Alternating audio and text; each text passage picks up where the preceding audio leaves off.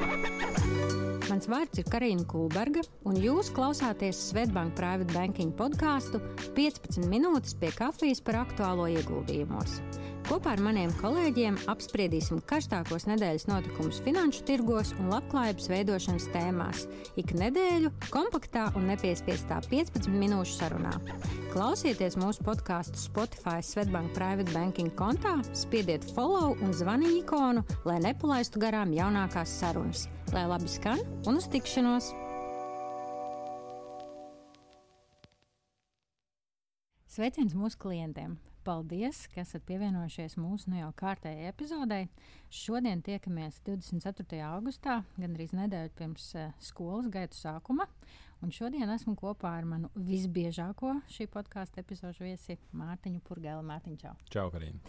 Un šodien mēs esam izlēmuši pievērsties tēmai, par kuru mūsu klienti proaktīvi jautā, jo ieguld, nu, izvēlas ieguldīt arī tieši izmantojot šādu instrumentu un tie ir tā sauktie ETF vai biržā tirgotie fondi. Un šodien gribam mazliet, mazliet pastāstīt, kas tie ir, uh, ko, tie, ko tie ēda, ko tie dzer, kā tie uzvedās.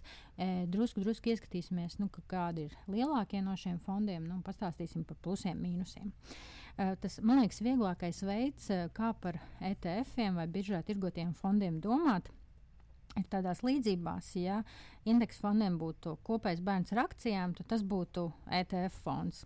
Ja, kā to saprast? Būtībā šiem fondiem ir tādas ļoti foršas un labas iezīmes, kas atbilst gan vienam, gan otram no šiem.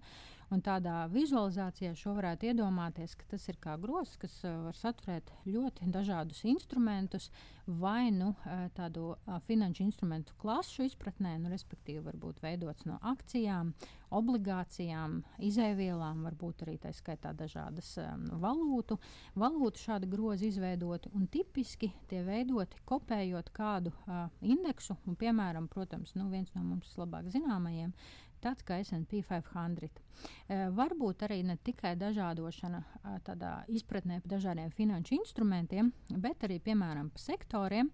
Un tāpat arī šie biržā tirgotie instrumenti var būt gan pasīvi pārvaldīti. Tātad būtībā tur, kur pārvaldnieks tikai ir nokopējis kaut kādu noteiktu proporciju katrā no instrumentiem, piemēram, katrā no akcijām, nu, kas, kas kopē šo indeksu un būtībā vairs aktīvi neiesaistās, vai arī tādi, kur ir uh, iesaistīts daudz aktīvāks, nu, šis pārvaldnieku loma ir lielāka. Un, ja mēs paskatītos un atsauktos uz uh, to, ko mēs esam par šo tēmu runājuši arī iepriekšējā epizodē, tad atcerieties, 16. epizodē ar Mairas runājos par, pieņemsim, Kathiju Vudu un viņas Arkinvest, kur atcerieties minēja, ka no kopā astoņiem fondiem, ko viņa piedāvā saviem klientiem iegādāties, seši kā reizi ir šie aktīvi pārvaldītie ETF vai tādi, kuros Kathija Vuda ir kopā sapakojusi, nu, tad, tad pēc dažādām tematiskām grupām izveidotus uh, ieguldījumus, un divi ir indeksu fondi, no kur būtībā viņas tā iesaiste ir stipri, stipri mazāka un limitētāka. Un šis labums, kā tātad šis gross izpaužās, ir būtībā tas, ka katram no mums ir iespēja iegādāties daļiņu no šī groza, un to iespējams pirkt un pārdot dzīvā laikā. Uh, tirgu, uh, nu, kamēr tirgi ir atvērti. Ja? Tā, tad, tā ir tā būtībā līdzība ar akciju, kad arī mūsu klientiem to iegādājoties, nu, piemēram, ieguldījumu kontā, mums tad, tad visu laiku redzama šī mainīgā vērtība. Uh, un, nu, un cik tā vērtība uz esošo brīdi, ir bijusi vērta. Un līdz ar to arī ieguvumi turot šādu instrumentu ir stipri līdzīgi šīm akcijām, kur mēs nopelnām divos veidos no vērtības pieauguma, respektīvi, ja tas, kas ir sapakots šajā groziņā, ja tā vērtība šiem instrumentiem pieaug, tad attiecīgi pieaug arī tā, nu, tā vērtība mūsu nopirktiem ETF-am plus diezgan daudzi ETF arī maksā um, dividendes. Nu, līdz ar to tiešām tāda, varētu teikt, tās labās, labās sadaļas no akcijas šeit ir pārņemtas.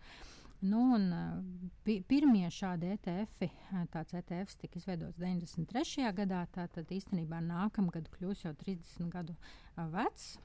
Un patiesībā šis te, ETFs ir tāds, kurš kopē šo SP 500 Un saīsinājumā viņa nosaukums ir SPDR, vai arī kā viņu vairāk publiski sauc Spider, jo nu, šis saīsinājums ļoti izrunājot atgādina šo anglisko nosaukumu zineklim.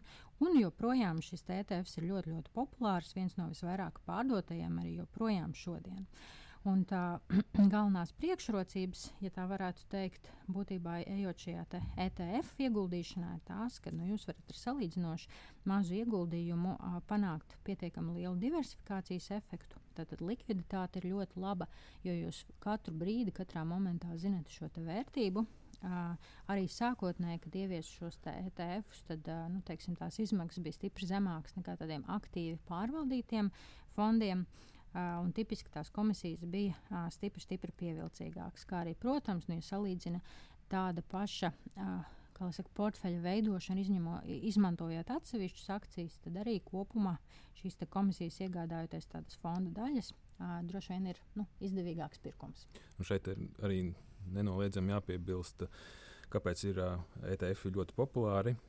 Jo nu, arī vēsturiski tas ir izveidojis pietiekami dabiski. Uh, ja mēs redzējām, ka uh, agrāk fondus mēs pirkām vienkārši nu, caur savām bankām, caur saviem brokeriem, kuri bija noslēguši līgumus ar konkrētām ieguldījumu sabiedrībām, tad uh, ETF, biržā tirgotie fondi, ļauj mums jebkurus fondus iegādāties uh, tieši, tieši saistē. Un tas arī ir radījis nu, tādu, ļoti plašas iespējas, ka mums, mēs vairs neesam sasaistīti ar vienu konkrētu brokeru vai mūsu sadarbības partneri, ka mēs varam izvēlēties nu, no visas pasaules iespējamiem fondiem. Uh, Eh, papildus tam mm, arī jāmin tas, ka šos fondus ļoti bieži izmanto arī tāda veida pārvaldnieki, kas, nu, kā piemērs, ir pensiju līmeņa pārvaldnieki, var izmantot jau gatavs risinājums. Viņiem nav jāizvēlās konkrētās vienas vai otras akcijas, jāpērk viņas visas pa vienam, bet nu, ir jau gatavi risinājumi, un tas nu, teikt, pieprasījums ir radījis arī piedāvājumu, un, un, un ir izveidojušies šādi fondi. Uh, kas ir interesanti, ja godīgi sakot, pieņemsim, biržā tirgotiem fondiem ir uh, Tas, ka no vienas puses, rekur, pieņemsim, es, es esmu īpašnieks fondam šādam, izdomāju viņu pārdot, un nu, teorētiski man viņš ir uh, viržā jāiedod orderis. Uh, bet tas, kurš nopērk šo manu uh, īpašumu, tas nav uh, precīzi tieši tas pats fonds, bet kāds cits no, no investoriem. Un, uh, bieži vien radās tāda varbūt, nu, situācija, kad Uh, ir, ir fondā disbalans starp pieprasījumu un piedāvājumu. Un, viņasim, kā piemēram, ņemot to pašu SP 500, varētu būt tā, ka nu, fonds tirgojas nedaudz par citām cenām, cik ir vispār tās akcijas vērtīgas uh, tieši biržā. Uh, bet, nu, ja mēs vērtējam tādu likvīdu un lielu fondu, tad noteikti ir tādi saucamie autorizētie partneri, kas regulē tieši tā, lai viņš apmēram sekot līdz tai cenai. Tur ir tādas varbūt arī mazas nianses šiem fondiem, kad nu, pēc būtības tas uh, pircējs, no kā, kas atkal pirks no, to, no manas to fonda daļu, gluži nav tas pats fonds. Nu, lūk, un, un bieži vien cilvēki arī jauc teiksim, tā, ETF, kā tu arī pieminēji, viņš ir bieži vien ļoti sasaistīts ar to, ka viņš seko indeksiem, bet nevienmēr, nevienmēr indeksa fonds būs ETFs. Un, Un, ja godīgi sakot, tas galvenais un tā visbūtiskākā atšķirība, protams, ir, ka šis fonds ir tieši biržā tirgots fonds. Tā ir vislielākā no atšķirībām. ETF var būt arī dārgi, viņi var būt piesaistīti vēl arī pietiekami unikālām lietām. Līdz ar to tas nebūtu viennozīmīgi tāds viens pret viens, kad ETF būs lēts. Jā, viņš, teiksim tā, ja mēs vērtējam lielākos, tur noteikti tās izmaksas būs maziņas, bet nu, mēs sarakstā varam arī redzēt kaut kādus unikālus ETFs, kur izmaksas arī būs pietiekami augstas.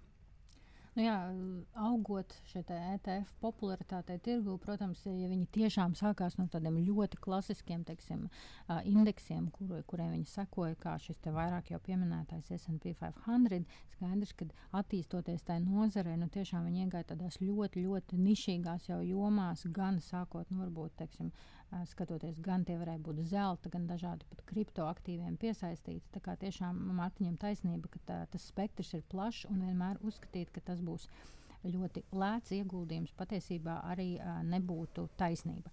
Tāpat man liekas, vēl viens no tādiem varbūt uh, zināmiem mītiem ir bijis tas, ka klients kaut kur ir teiksim, padzirdējuši, ka jā, viņi vēlas šos te iegādāties ETF-us, nu, ko tad viņam pirkt, domājot un, un nākot ar to priekšstatu, ka tādi ir ārkārtīgi maz, tad arī tur jāsaka, ka, protams, šī augošā popularitāte nozīmē to, ka tas nav tikai viens ETFs, kas seko līdzi šim SP 500, patiesībā tie ir vairāki desmiti šobrīd, Un, nu, kādi tad ir tie, teiksim, tie veidi, kā viņus izvēlēties, vai kas ir tās jomas, uz kurām iet, nu, tas tomēr atkal paliek uh, paša klienta ziņā. Te jāpiebilst arī, ka nu, ETF skaits orientējošs, viņš ļoti strauji aug katru gadu. Un, nu, Viņš šo tuvojas 10 tūkstoši. 21. gadā bija 8,5 tūkstoši, plus mīnus pēdējos gados nāk uh, kaut kur pusotras tūkstošas klāt jaunu, verās ciet arī, protams, bet stipri vien mazāks skaits, no, apmēram nezinu, no 100 līdz 200 aizvarās katru gadu, vai arī kaut kādā veidā pārstruktūrizējās. Uh, Un pastoties, protams, lielākos, jā, ko viņi pieminēja, Spiders, SP 500, tas ir pilnīgi pārliecinoši vislielākais pasaules ETFs, eh, pārvalda un rīzot tuvojās 400 miljardiem mm -hmm. aktīvus. Ja mēs skatāmies arī, cik ir vispār tā tirzniecība šādos fondos, tas ir nu, orientējuši jau pārsniedz 30% no visa apgrozījuma biržās ASV, kad mēs pērkam nevis jau konkrētas uh, akcijas, bet jau mēs pērkam fondus. Konkrētajā reģionā. Un, nu, ja mēs izvērtējam arī lielākos vispār pasaules fondus nu, pilnīgi pārliecinoši ASV. Un tieši SP 500 ir noteikti pilnīgi dominējoši pirmajā vietā. Un tikai kaut kur, nezinu, jau otrajā desmitniekā sākās tādas, tāda fonda, kas ieguldīja emerging markets un, un, un citur. No vienas puses, arī daļai izskaidrojam, arī, kāpēc Amerikā ir tāda iespēja valsts, kad, ka nauda tur ieplūst diezgan daudz, un arī redz, tas grozs stāsts, ka kompānijas, kuras ar nākotnes cerību ir pietiekami dārgas, šobrīd arī daļai varbūt dēļ tā, ka nu, ļoti populāri ir ieguldīt arī caur ETF-iem šādos tirgos. Nu, jā, un te atkal nevar neatsaukties uz mūsu iepriekšējo diskusiju ar Mārtu. Tad, kā labi atceraties, tad ARK ir viens no šādiem piemēriem. Tad, tad arī viņu izveidotie fondi, kur viņi gan saka, tie ir aktīvi pārvaldītie fondi. Uh, nu, tā performance ir ļoti, ļoti atšķirīga no teiksim, Amerikas vidēja vai SP 500. Ja jūs atceraties, tad tur tā performance šī gada uh, pirmajos mēnešos, pirmajā pusgadā šķiet bija kritums par kaut kādiem aptuveni 70%. Ja? Bet nu, katrā ziņā visi tie investori ir spējīgi katru dienu, dienas, nu, teiksim, dienas ietvaros iziet no savām pozīcijām, iet savās pozīcijās un arī redzēt ļoti akt, nu, aktuālos datus par to, kuros uzņēmumos, kādās proporcijās tad Cathy Wood ir nolēmusi šos ieguldījumus veikt. Uh, nu, tad, tad, ja tas spektrs ir tik plašs, tad īstenībā arī Mārtiņa pieminētais tieši šie aktīvi, kas atrodas uh, šo lielāko ETF pārvaldībā, ir viens no tādiem kritērijiem, ko eksperti iesaka uh, teiksim, ņemt vērā, izvēloties, kurā ETF tad ieguldīt. Jo, protams, te ir runa arī par likviditāti, respektīvi šis fonds ir ļoti, ļoti nišīgs, ļoti, ļoti maziņš. Tad nu, jūs varētu riskēt ar to, ka arī tas pieprasījums pēc Ja jūs gadījumā gribētu iziet no savām pozīcijām, varētu nebūt tik liels. Tāpat arī ieteicams paskatīties šo tirzniecības aktivitāti. Vai dienā notiek pietiekami daudz darījumu, nu, lai jūs redzētu, atkal, ka šī likviditāte ir nodrošināta. Tāpat noteikti arī ir vērts padomāt par to, cik lielu lomu jūs gribat piešķirt šim te uh, nu, lielākai priekšrocībai, kas ir diversifikācija. Ja? Jo nu, te var būt tā, ka tie fondi ir uzbūvēti gan tādi, kuros ir sākot no kaut kādiem 50 un 100 dažādiem instrumentiem, vai akcijām, vai obligācijām, līdz pat vairākiem tūkstošiem. Tad, tad nu, arī to diversifikāciju tādējādi atspoguļojot. Um, noteikti. Te, te, te, te es gribēju arī pieminēt tieši par to, ka tu labi pateici par ka ir arī šauras sfēras, un arī noteikti ir jāpievērš uzmanība, vai ir iespējams, un cik daudz tas tirdzniecība notiek. Jo, pieņemsim, tie interesantie fondi, kas ir izveidojušies pēdējā laikā, pieņemsim, tur pilnīgi nu, 3D printeru saistītās kompānijas, kuras seko līdz tādiem ieguldījumiem, pieņemsim, ieguldījumi, kas mm, rūpējas par cilvēkiem ar lieko svāru, arī ieguldījumu fondi, kas ir piesaistīti uzņēmumiem, kas atkal tieši domā par veselīgu dzīvesveidu, video spēļu, visādi ETF ir, ir arī fondi, kas iegulda tā, miljonāļu eh, šajos uzņēmumos, kas eh, ļoti saistīti varbūt un, un, un kur ir ASV interesanti, pieņemsim, šāda veida vecuma cilvēkiem. Eh, tas viens no, no punktiem, kur ir jāņem vērā, kad, kad viens ir tas, mums ļoti daudz ļauj un plaši ieguldīt arī sev interesējošās jomās, un tajā pašā laikā noteikti arī nu, tas nebūs vairs SP 500 ETFs, kurā, mm. kurā ir 400 miljardi gan arī. Mm. Nu, un varbūt bišķiņi mēs Mārtiņ parunāt par to, nu, kā tas izskatās tīri praktiski, teiksim, no mūsu klientu kurpēm, ko viņš varētu sagaidīt, vai kādas ir, teiksim, tās alternatīvas un tas spektrs, ko izvēlēties. Ja? Tad atkal atgriežoties pie tā paša S&P 500, uh, nu, ja mēs paskatāmies, kā tad, teiksim, pašam indeksam ir gājis, tad šogad tas kritums ir bijis kādi 14%, piecu gadu laikā gan tā izaugsme ir bijusi jau aptuveni 70%. Uh, nu, tad, tas būtu teiksim, tas, nu, tas tā, tā indeksa performance, ko jūs varētu darīt. Jūs varētu skatīties un iegādāties teiksim, šo te, uh, spideru saukto ETF, līdzsvaru cena šodien, tad, kad skatījos pirms kāda mirklīša, bija kaut kur apmēram 162 dolāri par tātad vienu šo fonda vienību. Un šogad jau tas kritums ir bijis stipri mazāks, 3,3% un piecos gados pieaugums par 33%. Tad, tad nu, būtībā parādot to, ka mm, tādā, tādā īstermiņā, protams, tā diversifikācija iespējams nodrošina to, ka tas kritums ir mazāks.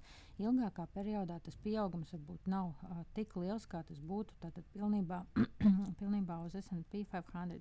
Bet kas vēl ir ļoti svarīgi, skaidrs, ka klienti varētu izvēlēties arī nu, ieguldīt atsevišķi tajā, tātad šajos uzņēmumos paši. Un tas, ko mēs savukārt redzam, un, un esam runājuši arī iepriekšējās epizodēs, piemēram, no SP 500, ka reizes 7% tiek ieguldīti tieši Apple. Un Apple savukārt, nu, izvēloties šādu stratēģiju, kritums, piemēram, šogad būtu bijis 8% apmērā, bet 5 gadu pieaugums 300%. Ja?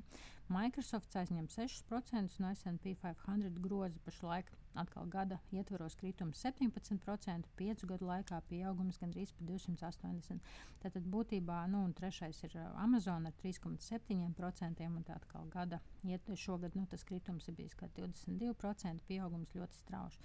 Tātad, ko dara šis diversificētais groziņš? Ja? Nu, protams, ka viņš šo izlīdzina šo pieaugumu un izlīdzina, cerams, arī kritumu. Nu, tādējādi laikos, kad teiksim, efekts no viena uzņēmuma, tas kritums ir pietiekami liels, tad šis labi dažādotais portfelis to spēj atspēkot. Bet es šeit nevaru nepieminēt to, kā arī Svetbānka, manuprāt, piedāvā ļoti interesantu risinājumu, kā var sekot nu, šim, te, piemēram, ASV tirgumam, nu, kas būtībā ir šis stāsts par SP 500. Un te mēs redzam, ka arī mums ir uh, robūru fondi, un robūru atgādināšu ir uh, Ziemeļvalstīs lielākais aktīvu pārvaldnieks. Un, piemēram, arī mūsu piedāvātais Access Edge fonds saucās, uh, tātad, kas fokusējās uz ASV tirgu. Uh, arī ši, šajā te ieguldījumā, teiksim, ja skatītos pa lielākajiem ieguldījumiem, patiesībā ir diezgan identiski. Ja, ja es minēju, ka SP 500 7% ir Apple, tad arī uz šo brīdi Access Edge Amerikas fondā ir 7% Apple, tāpat 6% Microsoftā, 3% Amazonē. Ja, nu, tad, tad tā uzbūve kaut kādā mērā ir domāta ļoti, ļoti līdzīga. Bet, ja mēs redzētu, nu, kāds ir tas tā performance, nu, tad šogad tas kritums ir vien bijis par 4,7%. Bet kopš, kopš 21. gada februāra nu, tur ir bijis pieaugums par 22%. Tā kā ir ļoti praktiskas iespējas arī par salīdzinoši ļoti saprotamām un lētām komisijām to izveikt arī pat pie mums, Svetbankā, nu, nemeklējot ļoti gari, kāda veida ETF no šī plašā spektra izvēlēties. Tieši tā, un es arī paskatījos citus reģionus.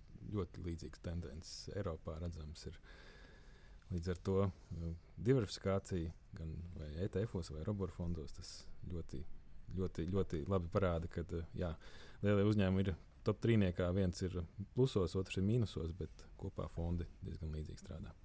Nu, jā, un ja šo fondu lielākais piekritējs savā ziņā ir viens no tādiem atbalstītājiem, ir bijis Varens Buffets, kas saka, ka nu, šī te, pasīvā investēšana tirgu, un viņa gadījumā viņš vienmēr runājas par to, ka Amerikas tirgu nu, ir tāds ļoti labs veids, kā tādam investoram, kurš nevēlas pārāk aktīvi pārvaldīt savu portfeli, kā gūt labumu tad, tad ilgtermiņā no šī te, uh, tirgus performances, tad nu, lielākie kritiķi, surprise, surprise, ir, uh, protams, Elons Masks un Cathy Wood, kur abi apgalvo, nu, ka šī te, mm, indeksu pieeja vai ETF pieeja tad, tad būtībā sekojot lielajiem fondiem, nu, ļoti nepareizi sadala kapitālu, vai respektīvi pie, nu, vairāk kapitāla piešķirt šiem uzņēmumiem, kas reizēm nemaz nav tik daudz vērti un tos stipri, stipri pārvērtē un neļauj iespēju ieguldīt tādos uzņēmumos, kas ir vēl augoši un tad, tad nav iekļauts šajos lielajos indeksos.